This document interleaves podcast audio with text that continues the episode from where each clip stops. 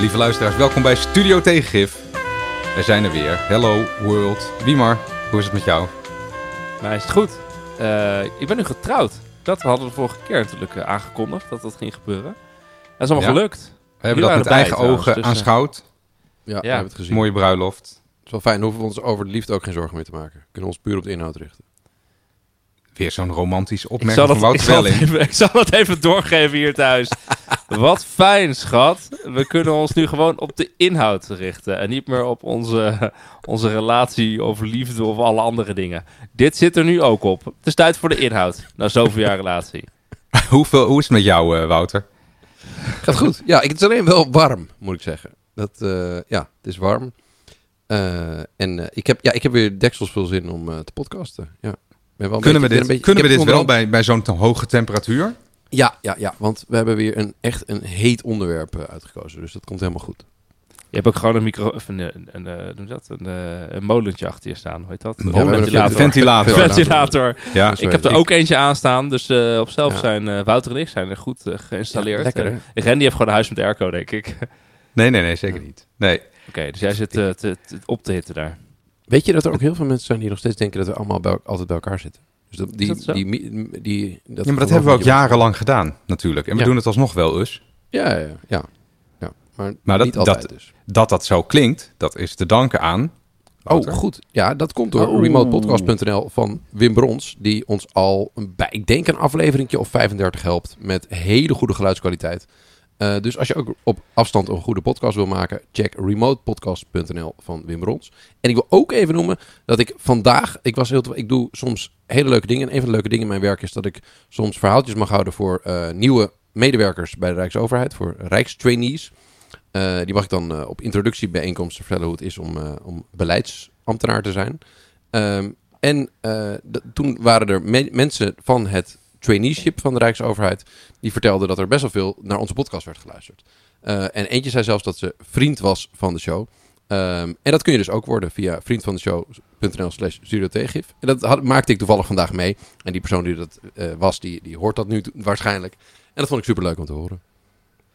Ja, wat goed. Mooi, nou, wat leuk zeg, dat we de jonge generatie beïnvloeden als, uh, oude, als oude mannen. Als oude ja, getrouwde mannen. Als oude getrouwde mannen, inderdaad. Oh jee, het wordt wel heel treurig zo. hey, uh, ja, voordat we ons nog dieper gat voor onszelf uh, graven. Wiemar, uh, jij hebt een gekte voor ons uitgezocht.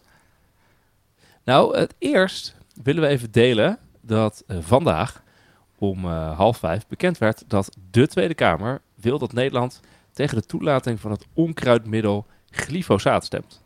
En dat uh, doet ons dan meteen even denken aan de vorige podcast. Daar hebben we het heel lang over gehad. Toen was het eigenlijk jouw gekte.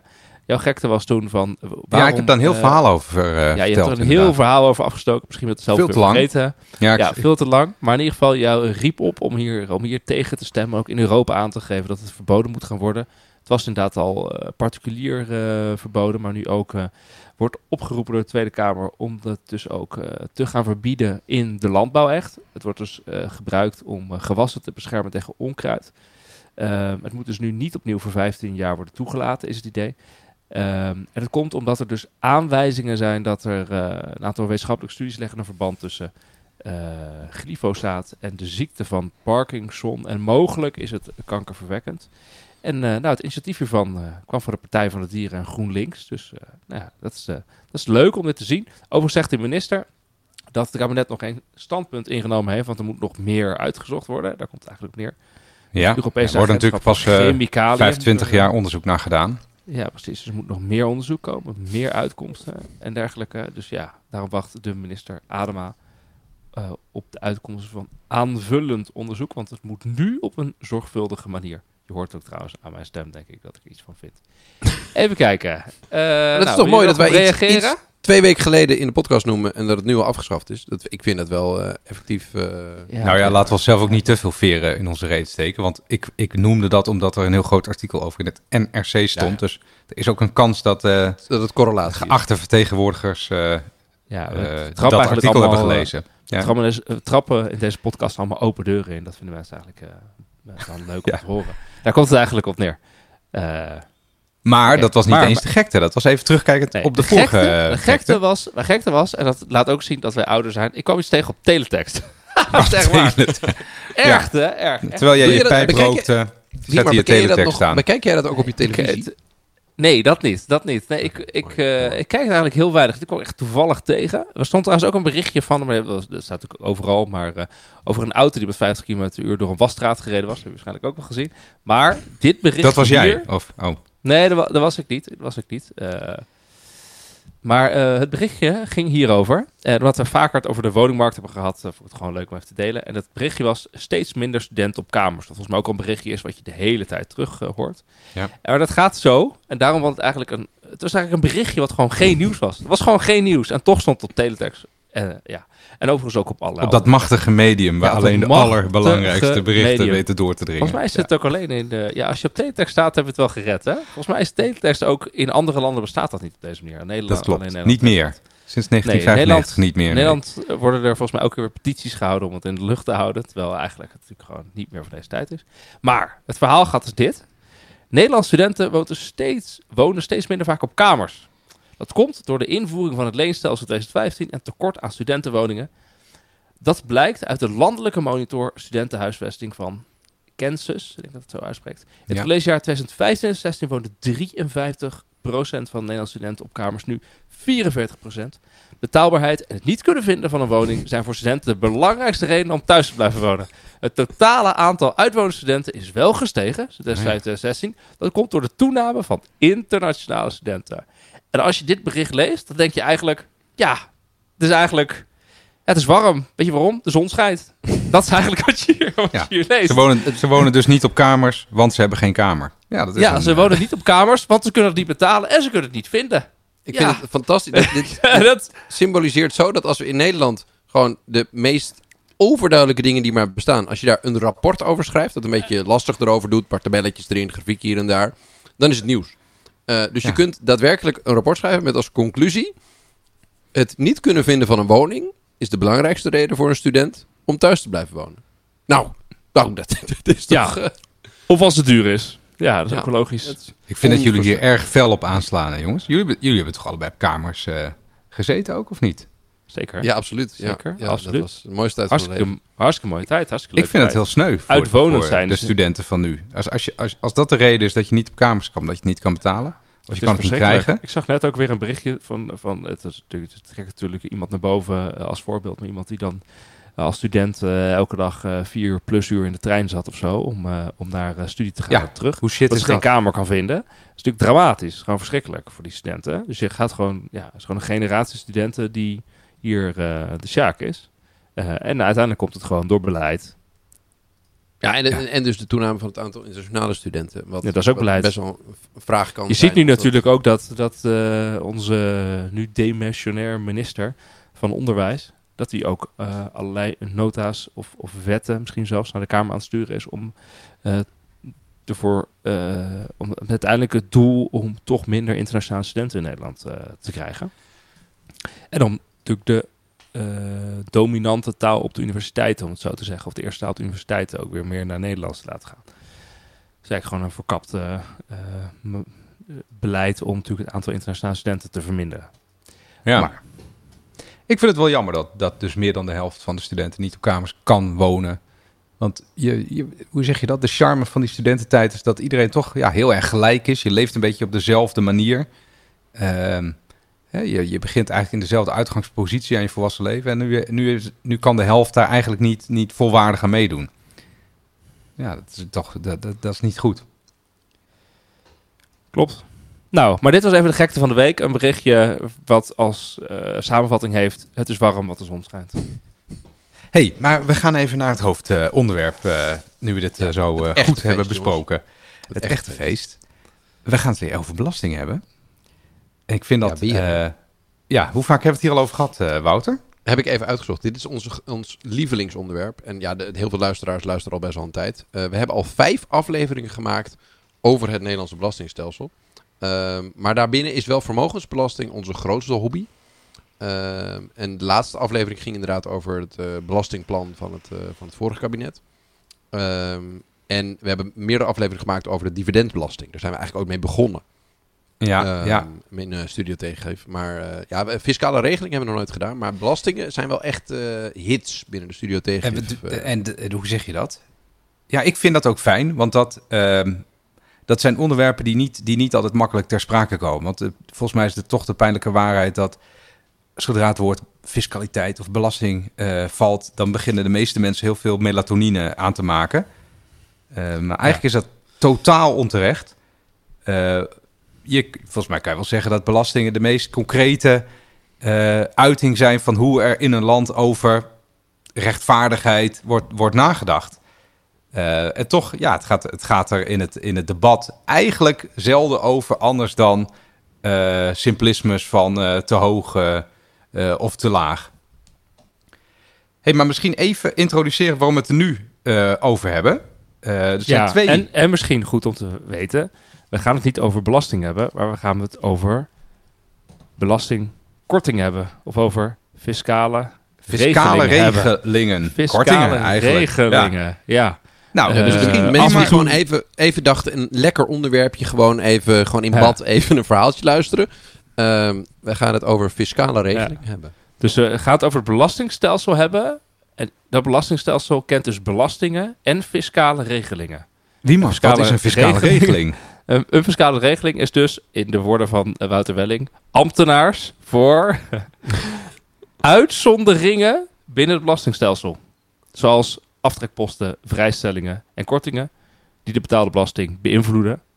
En ik heb deze definitie eh, gewoon gehaald uit een heel mooi ambtelijk eh, eh, rapport, namelijk het rapport Ambtelijk Rapport Aanpak Fiscale Regelingen, wat op 30 juni 2023 eh, openbaar is geworden van, gepubliceerd door het ministerie van Financiën. Maar die, die definitie die, die klopt eh, natuurlijk. Dus uiteindelijk gaat, eh, zijn fi- fiscale regelingen zijn eigenlijk kortingen op, op belastingen die je, die je betaalt. Hè? Dus eh, uitzonderingen. En dat, en ik, ja. ik denk dat het wel goed is om even te benoemen dat mensen vaak denken van, oh, dus, ja, ik, ik moet eens in zoveel tijd moet ik belastingaangifte doen. En dan zijn er een paar vakjes waarom ik iets kan invullen. En dan gaat het, wordt dat van het totale bedrag dat ik moet betalen afgetrokken. Ik denk dat, dat redelijk veel mensen dat wel kennen. Ja, hypotheekrenteaftrek. Ja, om, ja, of, of, eh, of eh, studiekostenaftrek of eh, wat heb je nog meer? Je hebt echt aftrek studiekosten, eh, maar ook ja, eh, wat nog meer? Aftrek speciale zorgkosten, aftrek financieringskosten, eigen woning. Nou ja, talloze. Maar wat, wat ik denk ik weinig mensen eh, beseffen, is dat dit bij elkaar. Dus je hebt in principe een hele pot aan belasting die mensen zouden moeten betalen met elkaar. Als je regelingen als het ware zonder uitzonderingen zou doen. Maar dat die uitzonderingen bij elkaar immens veel geld ehm, kosten die de belastingdienst, of in ieder geval de overheid, daarmee niet binnenkrijgt. Ehm, en die dus eh, op andere manieren eh, opgehaald zouden moeten worden. Of die in vermindering zouden kunnen zijn voor op, eh, op de generieke belastingen. ja nou ja, misschien moet je even zeggen hoeveel, hoeveel dan? Even kijken. Als, ja, dat, de, in, het, in het rapport staat dat het ongeveer neerkomt op 40% van onze eh, rijksbegroting. Even kijken. Ja, Eh, 150 miljard. Ja, Euro. 150 Dus- miljard, 40% van de totale belastingopbrengst. Dus moet je je voorstellen, 40% van de totale belastingopbrengst ehm, bestaat weer uit aftreksposten. Ehm, ja, maar dat is Eh, knetter interessant. ik, ik, dus dat, dat maakt het Ik denk interessant. dat niemand dat weet. De- het Eh. gekke is dat eh, aan de kijk, dit is niet een rapport wat een soort waarheid onthult die niet bekend was, hè? Dus, dus al die dingen die daar dan in staan, die wist, die wist je ergens wel. Tenminste, als je dat, als je dat dan volgt, Ja. bedoel ik. Eh, maar de omvang van al die eh, uitzonderingen opgeteld bij elkaar, die is, die is astronomisch. Dat betekent gewoon dat achter de, achter de gevel van, van hè, de, de, de, ja, de nominale belastingtarieven, zoals ze in de wet staan. Ja, die anderen staan ook in de wet. Maar ik bedoel, hè, de nominale belastingtarief zoals mensen die dan kennen, gaat in feite een totaal andere werkelijkheid schuil, waarin, waarin de effectieve belastingdruk compleet anders kan liggen. Ja, dat is dus belangrijk hè, om even dat onderscheid te maken. Dus zeg maar het statutaire belastingtarief. Dat is dus wat je denkt. Dus je betaalt bijvoorbeeld 40% belasting, z- zegt het statutaire tarief. Maar door allerlei kortingen is dus je effectieve tarief, dus wat je daadwerkelijk betaalt, wat je allerlei kortingen krijgt, ligt dus lager. Ja, het kan een totaal Eh, ander eh, bedrag ja. zijn zelfs. Ja, precies. Eh, dat doen die belastingkortingen. En dat, dat betekent dus dat bepaalde groepen effectief een veel lagere belasting betalen dan anderen. Eh, omdat ze bijvoorbeeld ja, dat ze eh, recht kunnen hebben op die fiscale regelingen. Eh, want er zijn natuurlijk eh, toegangseis, om het zo te zeggen, tot die fiscale regelingen. Uh, nou, dat, dat stuurt natuurlijk ja. volgens ook gedrag. Dat is natuurlijk het allerbelangrijkste hier. Dat, over het algemeen hebben belastingen natuurlijk een gedragseffect. en op het moment dat je dan belastingkortingen maakt, of aftrekposten, of gewoon fiscale regelingen, heeft dat ook een gedragseffect natuurlijk. Dat is, lijkt me heel logisch. Dan stimuleer je gedrag mee. Hey, maar nu we nog een beetje in het feitensegment zitten. Wat dus, wat dus uh, ervoor zorgde dat dit um, enorm veel aandacht kreeg, is dat die, die regelingen die zijn niet alleen op, hè, op een rijtje gezet en opgeteld, maar die zijn ook ge uh, geëvalueerd op doeltreffendheid, doelmatigheid en of, of ze een beetje uit, uitvoerbaar zijn en of ze ook voor mensen waar het om gaat een beetje te doen zijn. Doenlijkheid staat er letterlijk. Ja, do doenvermogen of doenlijkheid. Of doen, ja, doenvermogen. Maar die, de, dat is dus echt interessant. Het is een podcast, dus we kunnen geen plaatje eh, op het scherm zetten.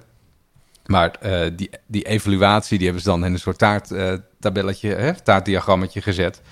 En dan zie je, uh, dan zie je dat een heel klein groen streepje van, van het totaal yeah. is positief geëvalueerd.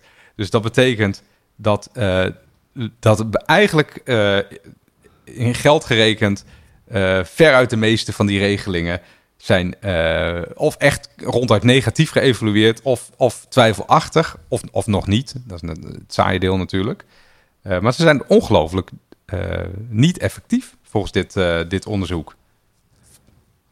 Ja, en het, het, het gekke daarvan is zelfs dat datzelfde onderzoek, en dat, ja, ik kan het niet laten om dat toch alvast te noemen. Dat, dat staat dus op de, dit, dit prachtige onderzoek. wat is de, de, de, oh, de titel hebben we al genoemd.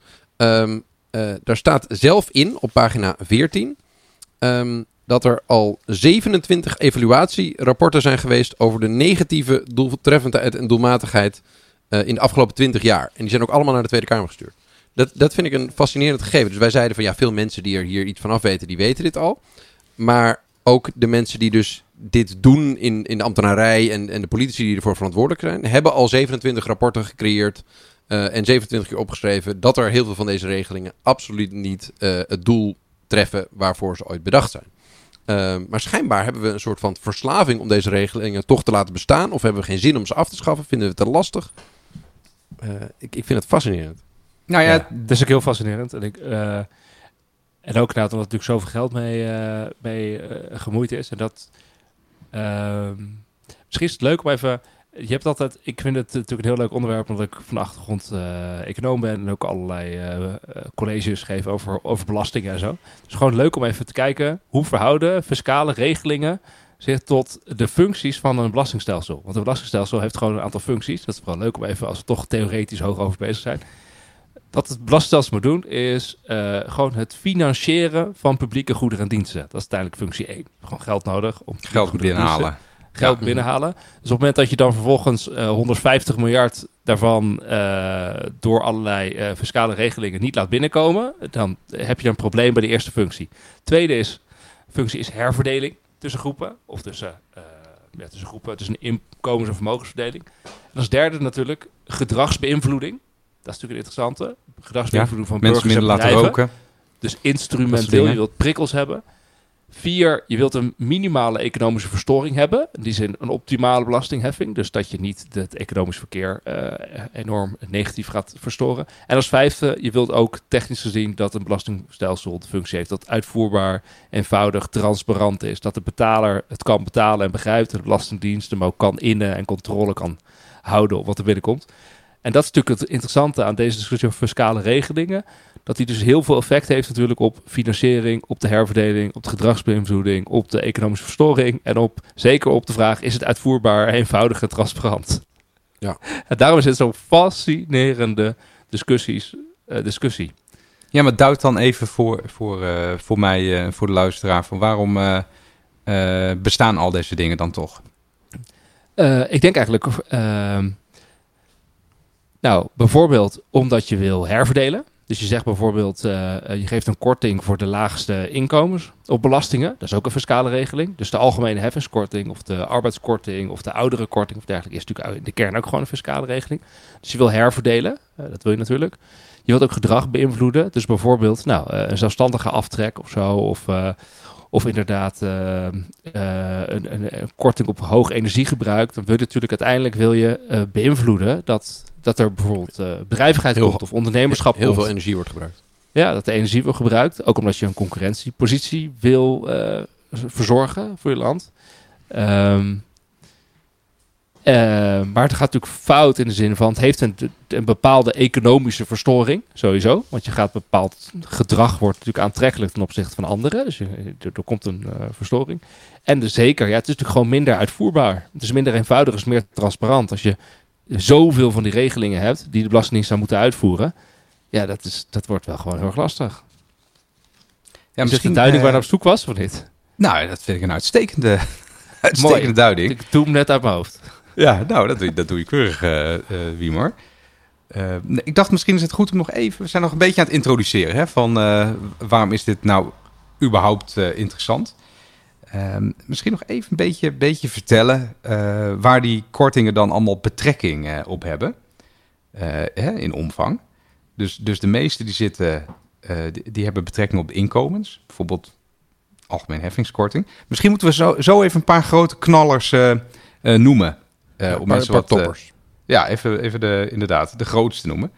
Uh, nou ja, na de, in, hè, na de inkomsten hebben de meeste dan betrekking op de omzetbelasting, de BTW.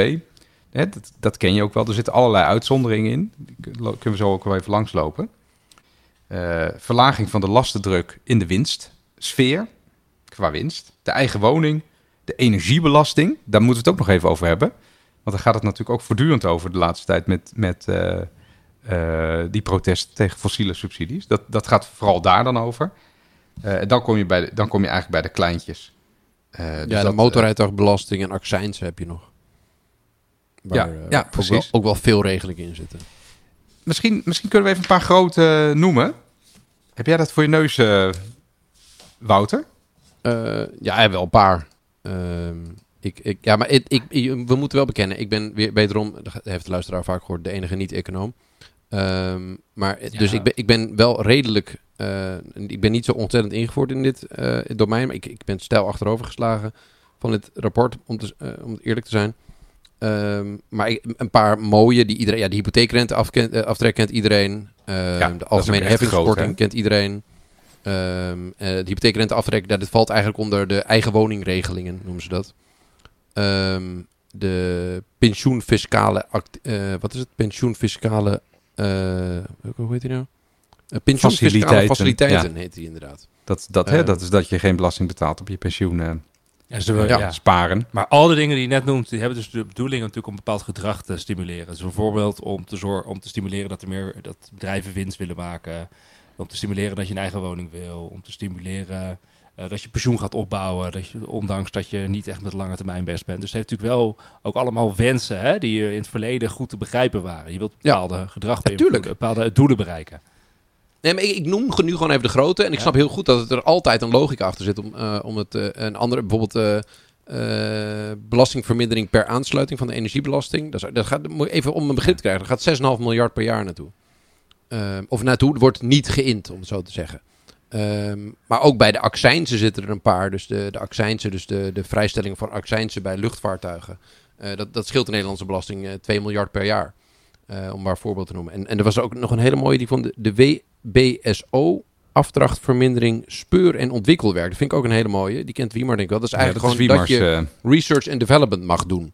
Ja. Uh, dat scheelt de belasting, uh, uh, belastingdienst ook ongeveer 1,4 miljard per jaar.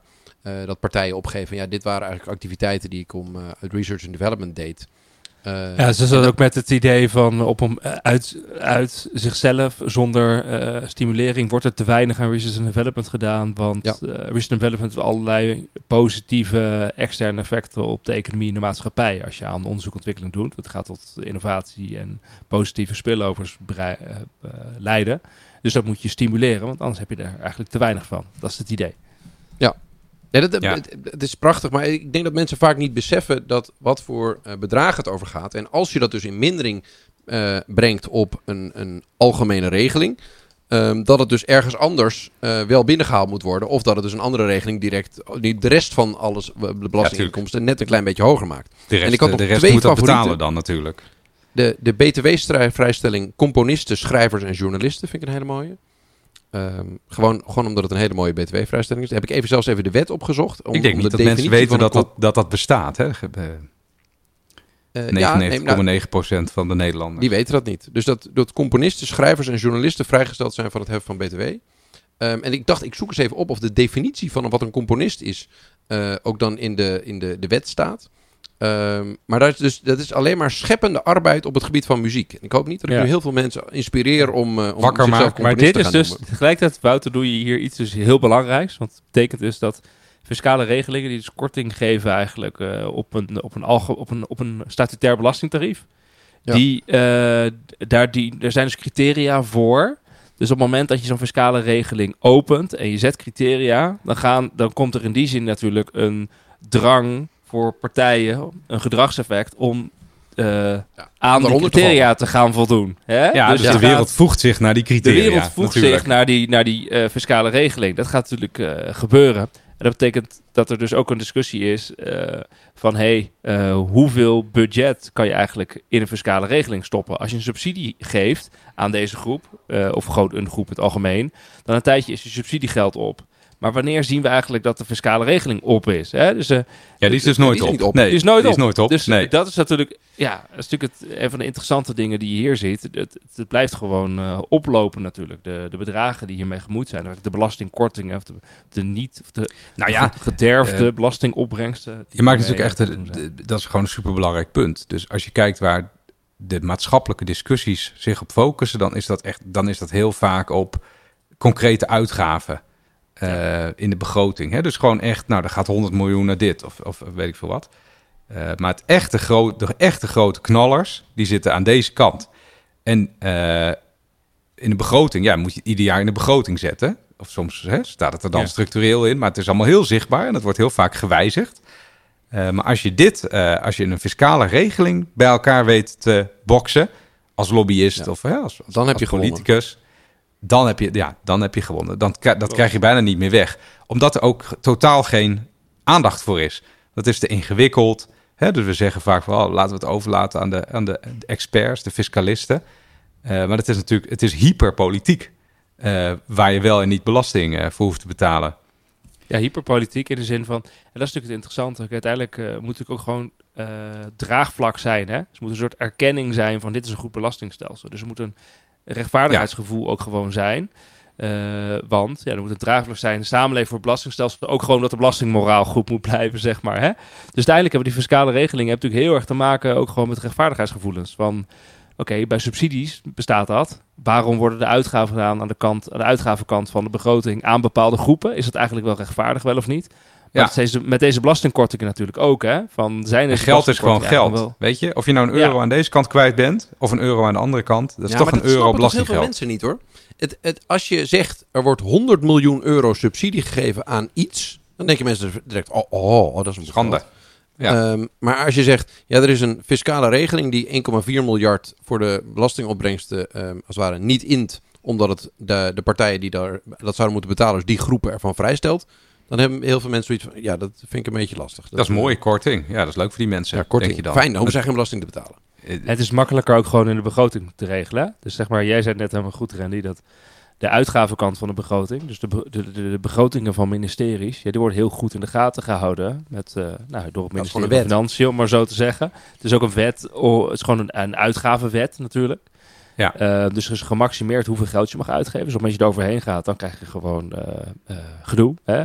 Maar de inkomstenkant van de begroting is natuurlijk niet zo sterk ge- ge- vastgelegd. Dus het is niet zo dat op het moment dat... er wordt natuurlijk ook wet, er is een belastingplan. Hè? Dus wettelijk wordt natuurlijk wel vastgelegd, dit zijn de, de wetten en zoveel verwachten we ermee binnen te halen, om zo te zeggen. Maar het is niet zo dat gelijk de, de, de, de, de, de pleuris uitbreekt, om even goed Nederlands te zeggen, op het moment dat een belastingkorting eh, toch eh, meer Twee keer zoveel eh, grootte kost. van omvang Ja. is. Nee, dat ziet ook niemand eigenlijk. Nee. Hè? Hoe, hoe hou je precies in de gaten hoeveel er Nou, in de, bij de dat zie je wel op het begrotingstekort. Zie je dat. Ja, het begrotingstekort. ja, zie dat. Ja. Ja. Het is allemaal versmerkt in elkaar natuurlijk. Ja, ja dat klopt. Dat klopt. En gooit op één grote hoop. Maar ik, ik, ik wil nog even, ik had net die componisten, maar ik heb nog één mooie favoriet. Dat is de ehm, eh, eh, de vrijstelling motorrijbelasting voor bestelauto's. Dat is ook een fascinerende. Wij geven, dat moeten mensen maar eens even beseffen dat wij 1,1 miljard per jaar als het ware ehm, niet Ja, aan belasting uitgeven. heffen aan mensen, en aan ondernemers die een bestelauto rijden. En daar zit nog een heel grote lolligheid in dat het heel veel uitvoeringskosten heeft, omdat de Europese Unie een andere definitie van bestelauto auto hanteert dan Nederland. Eh, dus de Nederlandse Belastingdienst die, die moet, moet telkens vaststellen of jouw opgegeven bestelauto wel een bestelauto is. Eh, en volgens dat is mij dan die- een heel voorbeeld van heel veel er- uitvoeringskosten. Die tanks die je tegenwoordig ziet rijden, hè, die Dodge Rams, dat, dat kennen de meeste mensen denk ik wel. Dat zijn die, die, zijn die extreem grote pick-ups. Ehm, dat, dat zijn bestelauto's volgens deze definitie, als ik me niet Ja. vergis. Ja, dat is is, dat toch zo? prachtig. Ah, dat heb Ja, ik dat- niet. Dat is niet. Ja, Wauw, volgens mij is dat zo, ja. ja. Ja, was een, was een jaar geleden natuurlijk ook met die... eh, Die hebben goed gelobbyd, fiscale- denk je dan, Ja, hè? die, ja, die fiscale kortingen ook voor eh, van die hybride auto's. Weet je het nog? Dus dan waren er, kreeg je een, een, een fiscale korting omdat je een Ja, hybride auto had. Dus zowel... eh, Dat kost ja, ook ja, miljarden. Precies. Dat je, dus dan zei eigenlijk, ik rijd elektrisch, maar je kon er ook gewoon benzine in gooien. En dan kreeg je wel een enorme... En dat deden mensen ook gewoon, hè? Dus Ja, ja, ik ben de ja. naam kwijt van dat, van dat ding. Dat was toen een enorme hype. de, de Ehm, Mitsubishi, de Mitsubishi tran- eh, Outlander. Outlander, ja. Outlander, ja, precies, ja. Ja, dat, Die noemden ze de Precies, ja. Dat, dat heeft ons veel geld gekost als belastingbetaler. Ja. Ja, omdat Misschien- het, dat, hey, de Maar toch diffusiteit van die regelingen, dat is dus het grote probleem. Dat, dus je bedoelt het om een bepaald gedrag te stimuleren, maar je, heel vaak wordt er niet vooraf heel grondig nagedacht over hoe slim mensen wel niet zijn om onder die groep te kunnen vallen. Nou ja, Eh, eh, even dat voorbeeld van producenten die ook, auto. hè? Dus gewoon eh, producenten. Producenten gaan gewoon Ja. kijken naar de, de wetgeving. Hoe kan ik een auto zo maken dat dat, wel je een precies, bestelauto dat wou ik net zeggen. dat, het, Ja. dat het binnen de belastingkortingen valt. Want dat betekent dat dus meer mensen mijn auto willen meer consumenten mijn geproduceerde auto willen kopen. En dat is goed voor mij uiteindelijk voor mijn winst. Dus er waren ook gewoon aanbiedingen van producenten die een auto in de markt zetten. Met gelijk hele uitleg hoeveel belastingkorting je erbij kon krijgen. ja. Om dus consumenten eh, eh, binnen te, te krijgen. Niemand heeft ooit gedacht bij het maken van die wet dat die monsterlijke pick-up truck, dat, die, dat dat als een bestelauto zou kwalificeren. En toch is dat, toch past dat dan binnen de definitie. Ja. Maar misschien is het leuk om even een paar. ehm, ze zijn dus geëvalueerd hè, op. eh, eh, is het goed of is het slecht? Ik zeg het even heel plat. En een paar, dat hebben ze dan in, kleurtjes. Dat kunnen we wederom weer niet laten zien. Maar hè, dus eh, dat, dat laten ze dan in kleurtjes zien per, per, per factor waar ze naar kijken. En sommige zijn gewoon helemaal rood. Hè? Eh, dat, vind ik, dat vind ik heel interessant. Dus ik heb twee die ik, er wel, die ik even uit wil lichten. Eh, die, de eerste is eh, interessant omdat die gewoon totaal achterhaald is. Dus je hebt de, de meewerkaftrek.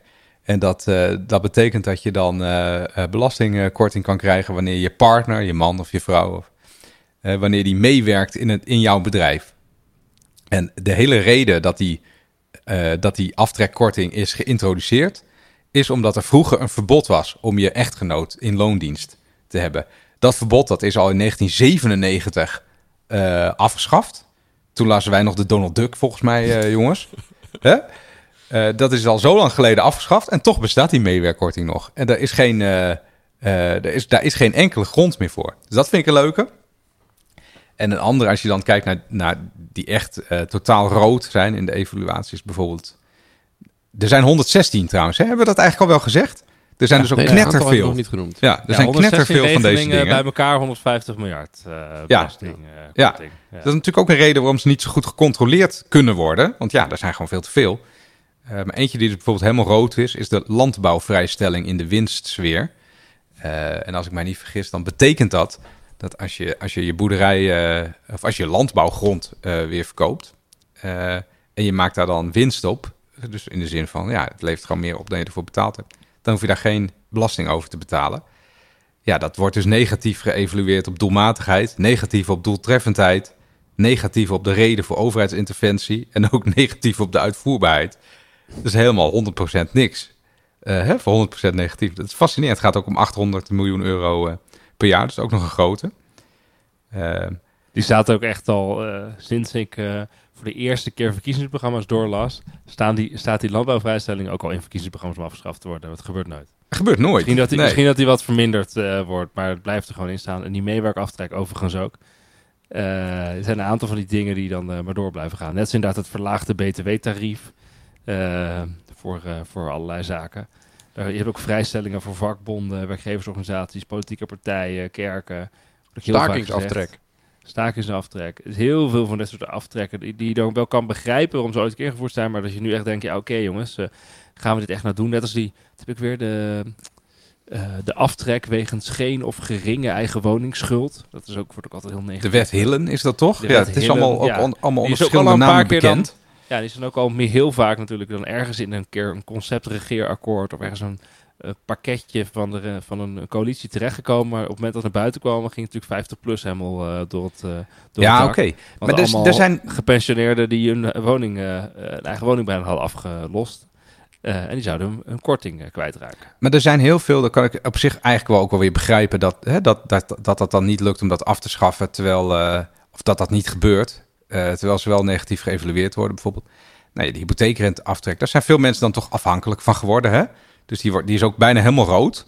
Dus als je Mhm, daar rationeel naar kijkt, dan zou je dat niet moeten doen. Volgens mij staat ook niet- ergens- Ik weet niet of mensen er afhankelijk zijn van gezegd worden. In de zin van op het moment dat je hem afschaft, dan kunnen mensen niet meer eten en drinken. Ja, oké. ja, je gewoon- stelt het heel het sterk nu, hè? We Ja, zijn wel een rijk gewoon- land natuurlijk. Er is gewoon een financiële prikkel. Dus je- het is gewoon een, uiteindelijk is het gewoon eh, financieel nadelig als je hem afschaft. En dat volgens mij is dat Voor dus mensen. de- ja. Ja, voor mensen. Ja, terwijl deze ambtenaren, die natuurlijk dit rapport ook eh, niet, vlak, niet voor niks vlak voor de verkiezingen uitbrengen, eh, die schrijven op, ja, als je de eigen woningregeling, dus de hypotheekrenteaftrek, als je die afschaft, dan kan je de inkomstenbelasting met anderhalf procent verlagen, volgens mij. Ik zeg Ja. dat even Ja. uit mijn hoofd. Ja. Dat is geen klein bier natuurlijk, hè? Dat is een gigantische eh, lastenverlichting eh, voor Ja. mensen. Nou, ik, maar- ik denk dat er misschien, wat, wat we on- misschien nog niet genoemd hebben, is dat er natuurlijk onder zit dat bij ehm, collectieve belastingen, die raken iedereen. Dus inkomstenbelasting. eh, dat, en bij dit soort specifieke regelingen is er vaak een groep die het echt in de portemonnee zal voelen en in zijn eh, levenssituatie als die afgeschaft zal worden. Dus die zullen er heel hard voor vechten. Ehm, en, en ik geloof dat er ook wel een element in, als het ware een soort misschien wel cultureel bepaald is, dat in Nederland wij een, een land zijn dat graag compenseert. Dat als jij ergens ehm, leed hebt gehad, of eh, het is een beetje oneerlijk geweest, of eh, je, we, zouden jou, eh, we, willen jou stimuleren om iets te doen, ehm, dan, dan gaan we dat compenseren. En dan gaan we jou helpen om dat te doen.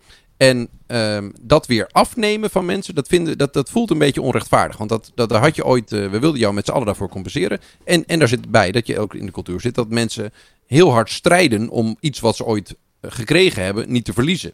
Daar wordt veel harder voor gestreden dan voor iets als een collectieve belasting, een procentje meer, een procentje minder. Ja, natuurlijk, ja. ja. Ja, dat is Ja, maar het is, het is ook, de werkelijkheid past zich dan ook een beetje aan op het feit dat zo'n korting er is. Bijvoorbeeld die korting voor, hè, voor bestelauto's. Ja, dat werkt natuurlijk ook door in de tarieven. Dus als jij eh, loodgieter bent, en je hebt zo'n busje en je, en je bent gewend dat die bepaalde lasten met zich meebrengt. Ja, daar, Ja.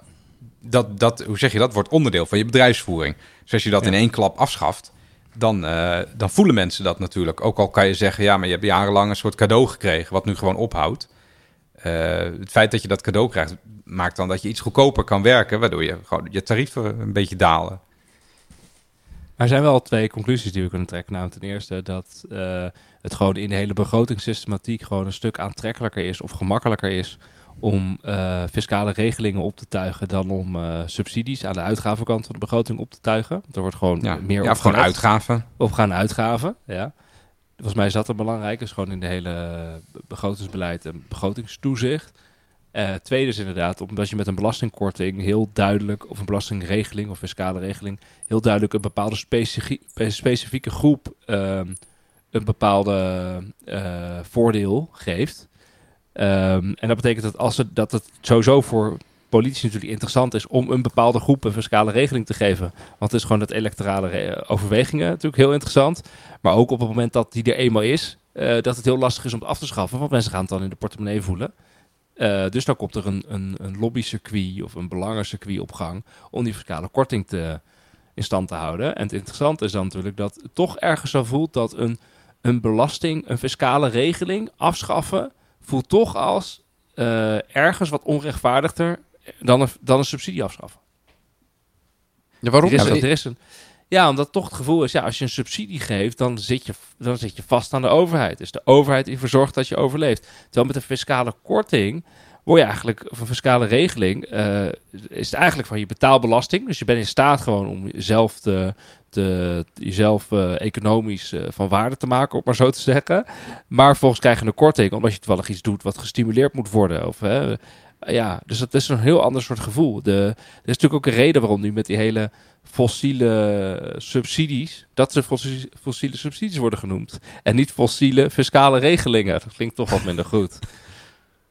Ja, misschien moeten we daar even, even nu op in uh, zoomen, inderdaad. Want dat was het.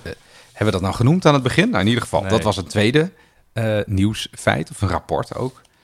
Ehm, dat, eh, da- er zijn al een paar keer berekeningen gemaakt van hè, hoeveel fossiele subsidies zijn er nou. Laten we het zo ook even erover hebben of dat woord dan inderdaad terecht is en relevant. Ja. Eh, nou, die berekening hebben ze nog, nog maar eens een keer gemaakt.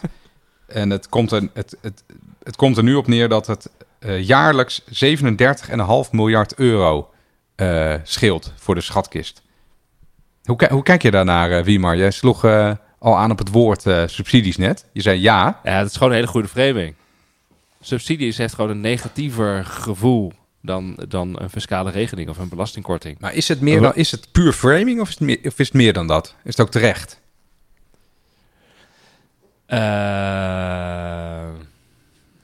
Ja, dat is een interessante vraag. Ik weet het niet. Volgens mij, ik weet, eigenlijk vind ik het heel lastig om je antwoord op te geven. Volgens mij zijn er allemaal mensen die theoretisch zeggen, in ieder geval economisch theoretisch, dat er geen verschil zit tussen een subsidie en een belastingkorting. Nee, Maar- ja, dat, volgens mij is dat, is dat, Dat wel... is- hoe zeg je dat? Dat is, De- dat is ja, hoe dus mensen er de- tegenaan kijken in economenland. Ja, in dat niet economenland zeggen dan, theoretisch maakt het niet uit, heeft hetzelfde effect, eh, volgens mij. Maar in natuurlijk het hele, in, inderdaad de framing, En in het de echt? ervaring, in het echt, in de praktijk, denk ik dat het heel erg uitmaakt. Wegens de reden die ik net zei. Subsidie, als je subsidie krijgt, dan eh, ben je afhankelijk van de overheid. Bij fiscale regeling word je niet gezien als afhankelijk zijn van de overheid, maar je krijgt een korting op een belasting die je ja, toch al vervelend is dat je betaalde. Ja, dat is gewoon ja. hoe, het, hoe het ervaren wordt. Ik vond, ik Dit- vond dat een interessante discussie. Want we hebben als eerder naar, naar die berekening gekeken hè, van die fossiele subsidies. Ja. Eh, en toen zeiden we van, oké, hè, eh, even los van de vraag of je dat nou een subsidie of een korting noemt. Eh, die berekening die snijdt op zich wel hout. Hè? Er is, een, er is in ieder geval een soort stimulering van eh, het gebruik van fossiele brandstoffen. Van, nou ja, van misschien inderdaad wel zoveel eh, geld dan. Maar het valt mij nu op dat ja, dat bedrag is nu weer groter geworden. Ik heb niet helemaal helder of dat nou groter is geworden omdat het een nieuw jaar is of omdat ze er nog scherper naar hebben gekeken. Dat kon ik er eigenlijk niet zo snel uithalen, eerlijk gezegd. St- Maar het is toch die, ja, is toch die heer Metten, die je eerder had genoemd, die had Allemaal Metten. berekeningen. Ja, op Ja, die heeft dit niet gedaan. Dit is dan door SOMO gedaan. Dat is een onderzoeksbureau. Ja, maar ik begrijp al dat eh, minister Jet heeft gezegd dat hij dit eh, bedrag, eh, dat het bedrag me bekend voorkomt, heeft minister Jette gezegd in de, in de Kamer, begrijp ik. Oké, oh, dat wist, ik, dat wist ik helemaal nog niet. Nee. En hij is blijkbaar nu ook bezig met een eigen onderzoek, hè, omdat hij dat moest doen. En ehm, hij, eh, nou, blijkbaar gaat het onderzoek bij Prinsjesdag uitkomen, maar ik kan je nu al eh, voorzien dat hij ongeveer op hetzelfde bedrag gaat uitkomen met dat, eh, met dat onderzoek. Nou ja, die berekeningen die slaan wel ergens op. Dus, dus, dus de, discussie die, de discussie verloopt eigenlijk langs lijnen van mensen die die klimaatverandering erg vinden. eh, nou ja, zoals ik zelf ook. En mensen die, die zeggen, nou, hè, dat, komt, eh, dat loopt wel los of zo. Eh, en, en, het, en het focuspunt van die discussie is dan de vraag of het woord subsidie terecht is. Maar in mijn ogen is dat echt een beetje een non-discussie. Want, en ook of het nou 37 miljard is of 30 miljard of, of 20 miljard. Dat zijn allemaal extreem grote bedragen. Die, eh, eh, die laten zien of, het, of ze nou super groot zijn of iets, ietsje minder groot. Dat de Nederlandse, het, het hele systeem van de Nederlandse belastingheffing, hoe dat in elkaar zit, dat is, dat is opgeteld gewoon een grote stimulans voor het gebruik van fossiele brandstoffen. En ook eh, het stimuleert veel gebruik. Hè? Dus de grootste posten zijn in die, in, die energiebelasting. Dat wij betalen, eh, nou, heb ik, nou heb ik die bedragen even niet voor mijn neus, maar eh, een gewone consument betaalt veel meer energiebelasting eh, dan, een, dan een groot gebruiker als, weet ik veel, als Tata Steel of hè, eh, andere grootgebruikers. Daar zit het in. Het is, het is een en ook een MKB'er. Een MKB'er betaalt veel meer energiebelasting dan een, een multinational. Eh, om even dat heel, heel, heel simpel te zeggen. Het is een soort bevoordeling van groot tegenover klein en van veel gebruikers tegenover zuinige gebruikers. Ja, dat, dat, dat, eh, dat, klopt, dat klopt niet. Of je het nou eens bent over dat woord subsidie of niet. Zou ik denken, in elk Ja, geval. volgens mij laat het gewoon twee dingen zien. Eén is dat we heel slecht zijn om onze regelingen eh, bij te trekken bij wat we in Nederland een goed idee vinden. Want het grootste gedeelte van die energiebelastingregelingen komen een beetje uit de, de opbouw van Nederland als industrieel, economisch, op het wereldtoneel acterend land. Waarbij ja, je, met een grote eh, gasbel. Dus we hadden dat spul ook zelf. met- ja, precies. Eh, Waar- waarbij je gewoon wil stimuleren dat grote industrie in Nederland blijft en, en eh, internationaal concurreert met een duurdere arbeid dan verschillende andere landen.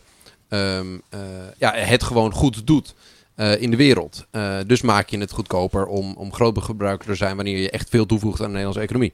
Ehm, dus daar zie je van dat die regelingen de neiging hebben om eeuwig te blijven staan en niet een beetje mee te groeien met de maatschappelijke tendens. Ehm, eh, want ja, dat is toch lastig en complex. Het, het introduceren van een regeling lijkt altijd makkelijker dan hem eh, af te schaffen. En het tweede dat dit laat zien, is dat ehm, je kunt heel veel poeha maken aan de uitgavenkant van de overheid over wat je deed. Nou, we hebben, we hebben eerder aflevering gemaakt over dat kabinet Rutte 4 historisch was, omdat het zoveel meer uitgaf dan in alle verkiezingsprogramma's van de partijen die deelnamen stonden, eh, dat ze gingen uitgeven. Waaronder al die fondsen, dus het Klimaatfonds, Stikstoffonds. Ehm, Ja. En dat er dus een, een fonds is, het Klimaat- en eh, Stikstoffonds, waarbij ongeveer 35 miljard in zou komen. En dat, dat is nou prachtig, maar dat is nog steeds niet allemaal eh, uitgegeven. Alleen als je dat afzet tegen wat je dus aan verminderde belastingen rekent voor partijen die exact doen wat je wil tegengaan met het andere bedrag, ehm, is de vraag hoe effectief je überhaupt bezig bent. Eh, Nou ja, dat onder de streep is de, is de aansteken. stimulans nog steeds eh, eh, in de richting van het gebruik van fossiele brandstoffen. Exact. Ja, dus je ondermijnt je eigen beleid, zeg je eigenlijk, Wouter. Nou ja, je, je, je, je, je- het is een beetje als zeggen als tegen je kind dat je niet moet roken, maar vervolgens wel. Eh, eh, Dat je zegt, voor iedere sigaret die je opsteekt, krijg je euro. Wouter, Wouter heeft natuurlijk Nee, gelijk. of je, nee, of je, je hebt de tabaksboer al betaald. Je kunt, je Ja. kunt ze bijna gratis ophalen. In die zin is natuurlijk, eh heeft Wouter natuurlijk gelijk dat... ehm, eh, kijk, sowieso is het natuurlijk interessant dat die milieuorganisaties... dat die 31 regelingen gevonden hebben. Hè? Die, die 37,5 miljard bestaat uit 31 regelingen. Dus die Ja, fossiele subsidies, als ik me aan die terminologie hou. Dus dat betekent, we hadden het net over de belastingkortingen die in dat... Sorry, de fiscale regelingen die in dat ambtelijk rapport waren gevonden uit juni. Dat waren er 116. Dus van 116 zijn er 31 regelingen die eigenlijk gewoon fossiele gebruik eh, stimuleren. En die heeft natuurlijk eigenlijk inderdaad eh, gewoon te maken met bedrijvigheid, concurrentiepositie. Overigens gaan veel van die andere fiscale regelingen, die, eh, die hebben natuurlijk gewoon te maken met de inkomensherverdeling. Hè? Dus er zitten heel veel regelingen voor vermogen en voor, voor inkomen en, en dergelijke. Maar, maar Wouter heeft gelijk, dat, dat is natuurlijk heel raar dat je aan de ene kant zegt van nou, voor 37,5 miljard geven we fiscale regelingen per jaar. om per, jaar Ja. om te zorgen dat je, eh, dat je fossiel eh, eigenlijk eh, voordeel krijgt om fossiel te produceren, om maar zo te zeggen. En aan de andere kant gaan we met een klimaatfonds van zoveel tientallen miljarden, gaan we subsidies geven aan dezelfde bedrijven om schoner te gaan publiceren, te produceren. Dat is natuurlijk wel, dat is natuurlijk Ja, ergens dat, werkt, wel dat vreemd. werkt natuurlijk dwars tegen Dat dan- elkaar in. Ja. Ja. dan ga je en belastingkortingen geven voor het ene en je gaat dan subsidies geven voor het andere. Ja, dat is, de- dat is eigenlijk heel raar. Dus je Ja, bent gewoon normaal denkt de burger geld denkt wat wil je nou overheid? Eh, je kunt niet allebei willen. Nee, maar dat Eh, is, hoe zeg je dat? Ehm, we hebben ook hoge inflatie, hè? Eh, die, die persisteert. Daar, hebben we tra- daar hadden we toch trouwens een punt, hè? Volgens mij zeiden we toen we het over de inflatie gingen hebben, van die kon wel eens hoog blijven. Eh, omdat er, en dat was een van de redenen die we daarvoor gaven, omdat er tegelijkertijd gas wordt gegeven en wordt geremd. En dat is hier, dat is hier natuurlijk ook een beetje aan de hand. Dus dat eh, hè, inflatie ontstaat, ik zeg het allemaal even heel kort door de bocht nu, omdat een economie overactief is, zou je kunnen zeggen. Eh, maar dat krijg je natuurlijk ook wanneer je aan de ene kant iets probeert af te remmen en het aan de andere kant weer besubsidieert met deze 37,5 miljard. Hoe je ook naar dat, hè, de precieze omvang van dat bedrag kijkt. Dus eigenlijk is het ook geen slim macro-economisch beleid om eh, met de ene hand eh, of met de ene voet gas te geven, met de andere voet eh, te remmen. Dat is denk ik de juiste metafoor. En, en, maar wat, er dus, wat het dit maar weer doet concluderen, is dat we dus ontzettend. Het is heel, veel makkelijker om nieuwe uitgavenposten erbij te verzinnen. En veel lastiger om specifieke eh, regelingen voor het niet hoeven betalen van een specifieke belasting. of een mindering te hebben van een specifieke belasting. af te schaffen. Ja, Ehm, dat is ook heel dus dat is heel verleidelijk. Misschien moet je de jaartallen opplakken. Dat doen ze in Amerika wel veel, hè, bij Ja, wetten. en die lopen af dan regelingen daar. Ja, dat is ja, dat zegt dan deze wet, vaak die telt tot voor regelingen. 2030. En dan Ja. is het gewoon weg. Precies, je hebt in Nederland heb je altijd van die evaluatiebepalingen. Hè? Dus er wordt gezegd, er moet binnen vijf jaar verplicht geëvalueerd worden. Maar ja, dan komt er een evaluatie en dan... Ja, Ja. Dat Dus is dit niet klopt, heel het is de hardere cap om gewoon te zeggen van eh, hij, hij vervalt binnen, binnen een aantal jaar. Ja, na vijf gewoon. jaar is het weg. Dan ja, lost de inkt op, beter zijn. heb je een wit vel papier. Ja. Ja. Ja, nee, dat klopt. Dat zou eh, wellicht beter zijn. Hey, tegelijkertijd is het natuurlijk een reden waarom die, die belastingkortingen vooral bij het grootbedrijf zitten.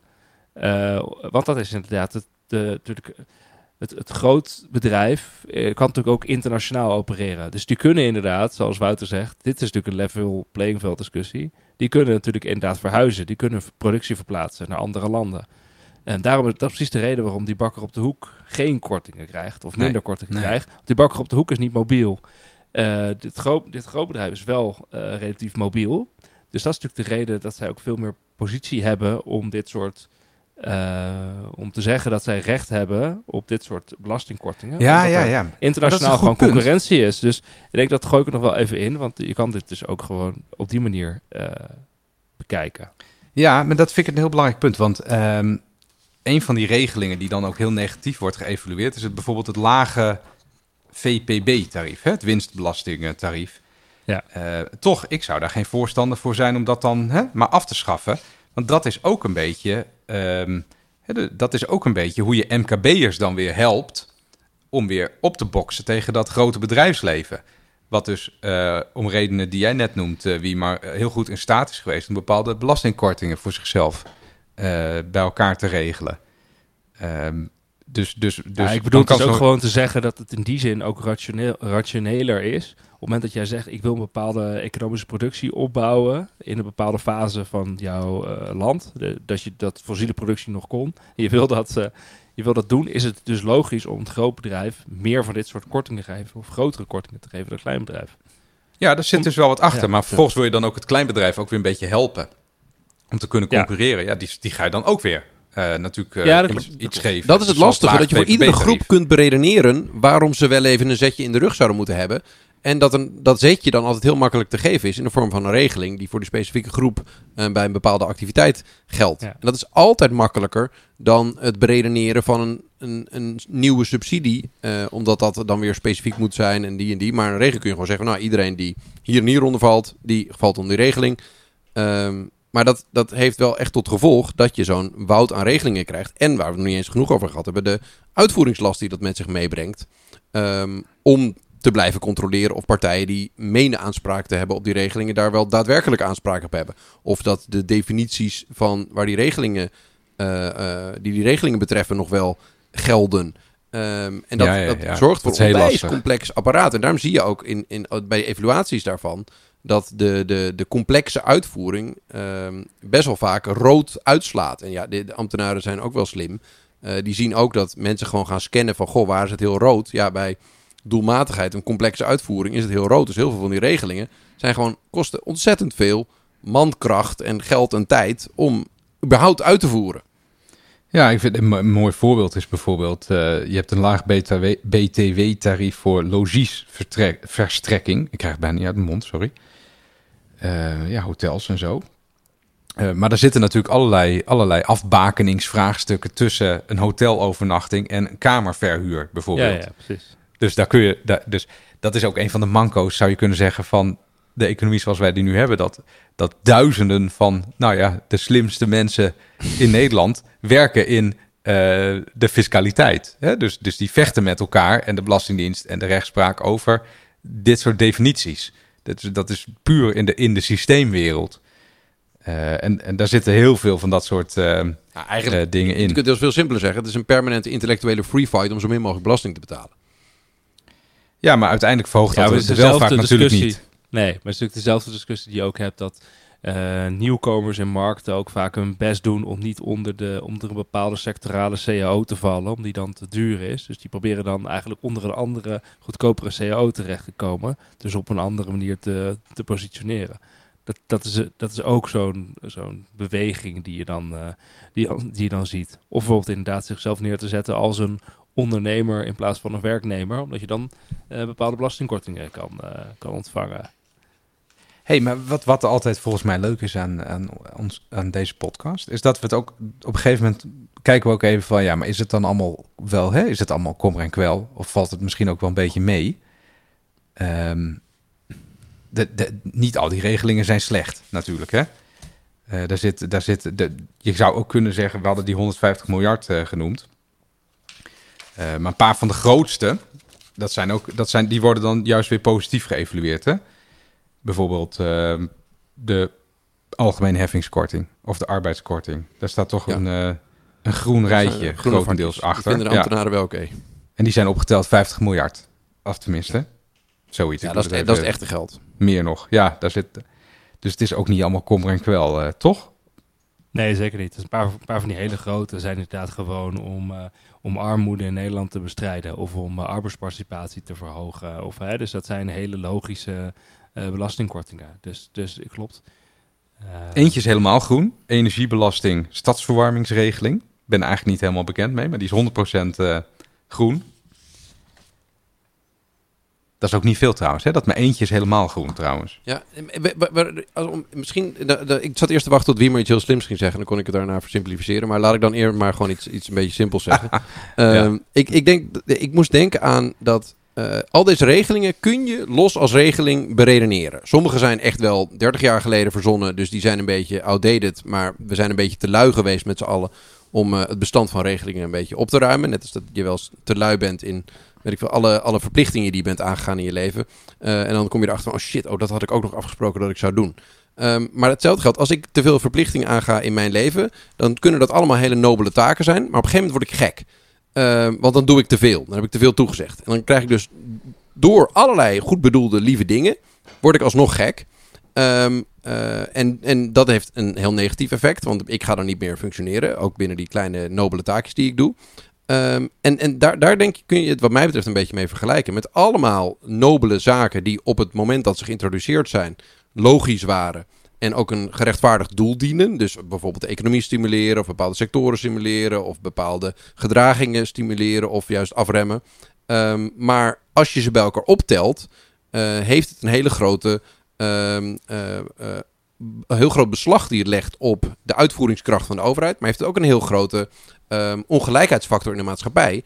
Doordat je, ehm, wanneer je middelen hebt en tijd hebt om te voldoen aan fiscale regelingen, kun je daar gebruik van maken. Waardoor je dus een positie krijgt van ongelijkheid ten opzichte van mensen die niet de middelen hebben om onderzoek te doen naar al die regelingen. En die bij, hun- gewoon denk aan de gewone burger die gewoon bij de belastingaangifte op akkoord, akkoord, akkoord, akkoord klikken. Zonder maar eens eventjes erin te duiken wat voor extra kosten ze zouden, allemaal zouden kunnen opgeven in die vakjes. Of die Nou niet ja, het geld hebben om een adviseur in te huren. Of die niet als bedrijf, eh, als MKB-bedrijf, een, een serieuze eh, fiscale ondersteuning kunnen regelen. Uh, dus de complexiteit zorgt voor een soort van ongelijkheidsfactor. En het zorgt voor dus een hele grote uitvoeringslast. Terwijl ze individueel allemaal heel mooi te beredeneren waren. Nou ja, en het Ehm. is ook per definitie natuurlijk zo dat je moet heel veel belasting betalen, wil je heel veel korting kunnen krijgen. Dus er zitten ook, eh, zoals we zeiden, er zitten op hè, eh, ontzettend veel kortingen in de, in de winstbelasting bijvoorbeeld. Ja, want daar kun je dus dingen van aftrekken van die winst.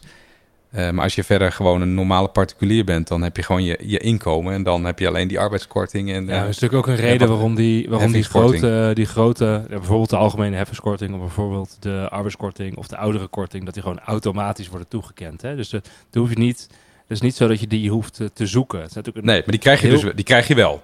Die krijg je wel, maar het is gewoon op basis van uh, inkomen, leeftijd. Hè? Dus dan wordt het automatisch toegekend. Er zit natuurlijk ook een heel aantal van dit soort uh, uh, kortingen bij waar je best moet voor moet doen om het te krijgen, zeg maar. Ja, en dan gaat het ongelijkheid in de, in de, Ja. in de hand werken. Dus dan wordt inderdaad herverdeling.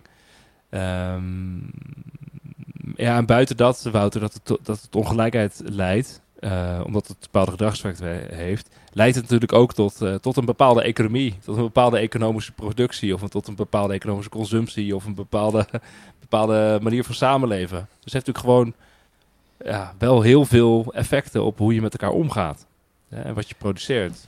hey, maar even naar de oplossingen dan. Is, is, wie maar zie gaan we ooit, uh, we zeiden ietsje eerder zeiden we van, nou, er worden wel eens wat regelingen afgeschaft, maar er worden er net zoveel weer ingevoerd. Dus per saldo hup, blijf je ongeveer steeds rond die Hebben ze ook 116, onderzocht, hè, eh, die ambtenaren? Dat hebben ze heel mooi... Uh, Daar staat ook een mooi tabelletje, of een soort grafiekje inderdaad. Ja, Hoeveel erbij en eigenlijk, eraf?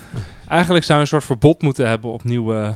Een soort, gewoon met elkaar moeten afspreken. We doen even een verbod op fiscale regelingen. Daar stoppen we gewoon mee.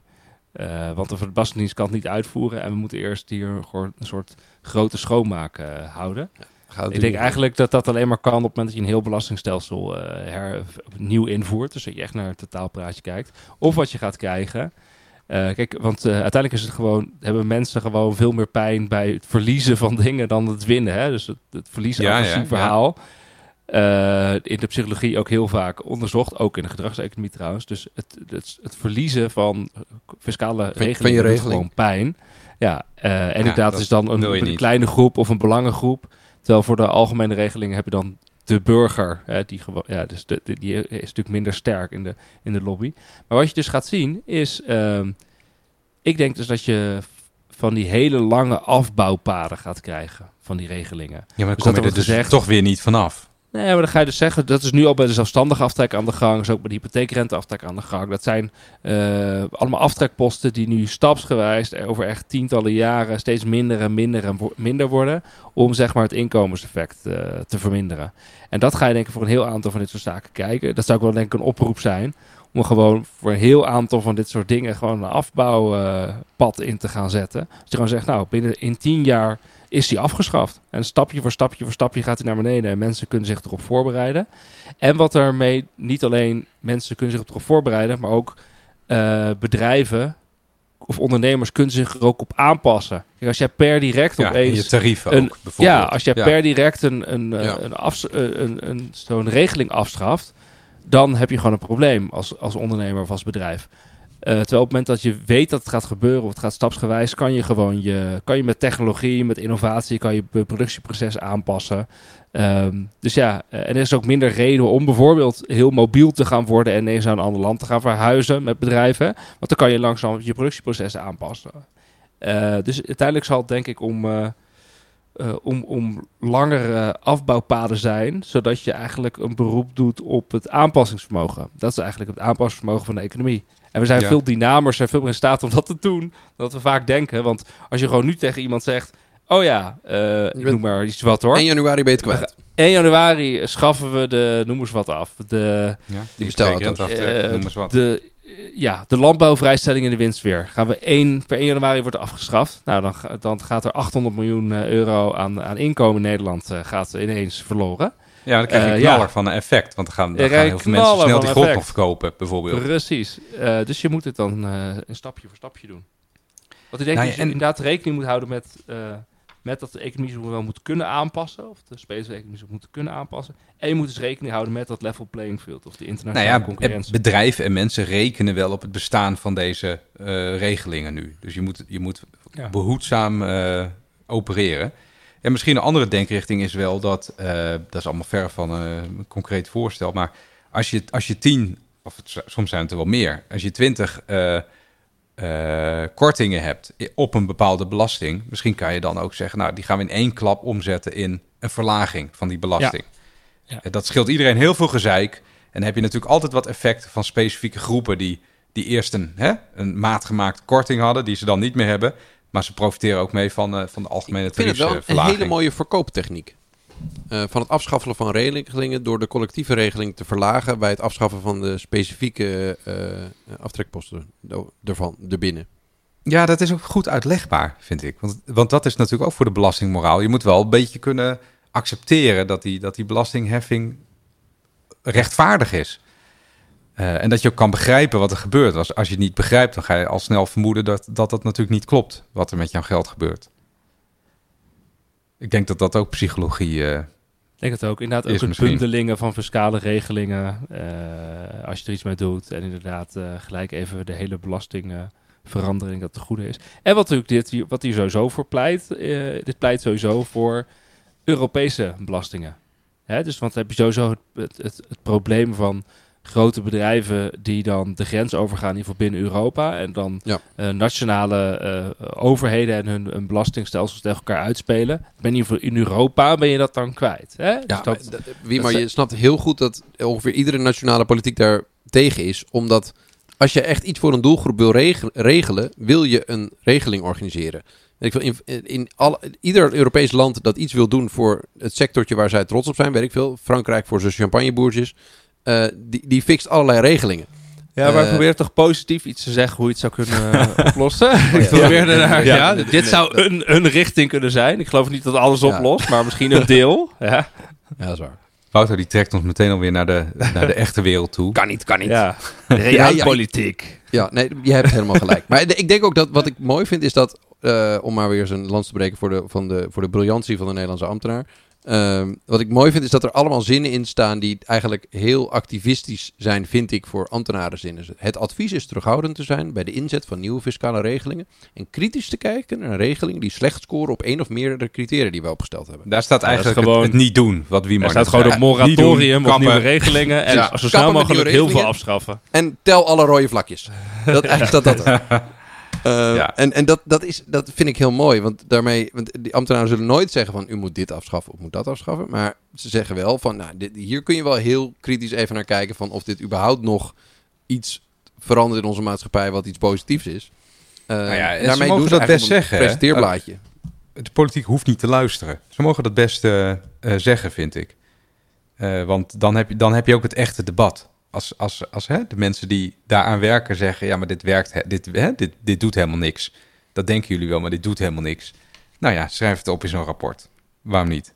Dat is alleen maar goed voor, eh, Ja, eh, maar voor en, het land, en, maar- denk en ik. het draagt er misschien ook aan bij dat bij sommige van die... Ik heb bijvoorbeeld een van de dingen waar ze op getoetst hebben is complexiteit. Dat, dat 24 van die 116 regelingen constateren ze eigenlijk van die zijn uitvoeringstechnisch te ingewikkeld. Dus gewoon, ja, die zijn dat- zo complex, het dat, ze, dat is te een crime. complex. Het is echt het is een crime. Ehm, dat, dat als, als, eh, als, bij het invoeren van een nieuwe regeling wil je dat waarschijnlijk niet horen. En ik vind het heel goed dat, dat wel daarop gewezen wordt van... jongens, we hebben allerlei dingen verzor- eh, verzonnen... die zo complex zijn geworden in de uitvoering daarvan... dat het ons moet afvragen of het wel waard is... het effect dat je ermee sorteert. Ja. hey, jongens, volgens mij eh, hebben we ons er wel weer doorheen gepraat. Of zijn we wat vergeten, Wouter? Eh poeh. Ja, ik ik vind, het, ik vind het genieten. Ik ben, ik ben benieuwd of we nog luisteraars over hebben. Ja, dit doe, je, dit doe je dus niet voor de, hoe zeg je dat? De knallende luisteraantallen, inderdaad. Maar Nee. dit, is, dit is heel goed dat, dat we dit wel doen. Nee, nee. Ik vind het ook wel eh, goed dat we aan het einde nog wel ook gewoon inderdaad zeggen dat het niet verstandig is om alles per direct af te schaffen. dat we toch Zijn we toch redelijk, hè? de economische Zijn zo redelijk. nog even ingooien. Maar dat we wel heel erg vertrouwen op aanpassingsvermogen van burgers en bedrijven. Eh, en dat we vertrouwen op eh, de innovativiteit van, eh, van, van eh, ondernemers eigenlijk. En, en ook technologie. Want Ja, dat ja, is natuurlijk... ja. Kijk eens nou bijvoorbeeld, hè, dus de, de corona... eh, sorry, corona, de energiecrisis. Dus de, de- na de inval eh, van Rusland eh, Mhm. de- Ja. in Oekraïne, toen de energieprijzen zo stegen. Het is echt ongelooflijk hoe innovatief toen eh, energie-intensieve bedrijven zijn geweest. Hè? Die hebben Ja. enorme besparingen eh, gerealiseerd, omdat ze dus een duurdere prijs kregen. Ja, die Dus kregen een klap dus van je is- welste. Die werden opeens Ja. helemaal drie keer meer wakker Ja. dan ze daarvoor waren natuurlijk. Dus het is natuurlijk wel ongelooflijk om te bedenken van dit soort fiscale regelingen houden natuurlijk ook gedrag in stand of zorgen ervoor dat innovaties die wel mogelijk zijn, die er al zijn, die al kunnen, dat die niet worden doorgevoerd, terwijl je daardoor eigenlijk schoner zou zijn, zuiniger zou zijn, misschien zelfs eh, een hogere productiviteit zou hebben, arbeidsproductiviteit zou hebben. Eh, dus dat is wel, je, de- de- het, goed, het kan natuurlijk ook gewoon een beetje lui maken, om het zo te zeggen. Dit soort Ik vind het ook heel leuk, want ik ben natuurlijk nu ook eh, dat, dat, ik, dat ik links was. Dat hadden mensen altijd al wel door, denk ik. Maar ik ben natuurlijk nu ook een links politicus. Maar ik vind het, ik vind het heel leuk om dan ook een beetje, om, hè, een beetje te, te plagen, ook te zeggen, en dat meen ik ook, dat ik een groot gelover ben in de, de, de innovatiekracht van de markteconomie. Eh, dus, dus niet iedere verandering of, hè, een kleine verslechtering in de fiscaliteit eh, is, is een ramp. De economie zal zich daarop aanpassen. En dat zag, je, dat zag je in die energiecrisis natuurlijk ook. Er zijn toen allerlei innovaties doorgevoerd die, eh, die, die daarvoor ja, toch een beetje als lastig of veel gedoe werden gezien. Ja, en wat een les gaat zijn, overigens, is dat een les voor toekomstig transitiebeleid of klimaatbeleid, hoe je het wil noemen, is dat je toch wel de vraag moet stellen of je dat heel erg gepaard moet laten gaan met allemaal belastingkortingen om gedrag te stimuleren. Of dat je eigenlijk gewoon moet zeggen, we willen dat op een bepaalde manier geproduceerd wordt of op een bepaalde manier geconsumeerd wordt. Dat moeten we gewoon wettelijk op een bepaalde manier eh, ofwel Norm- verbieden normeren. of gebieden.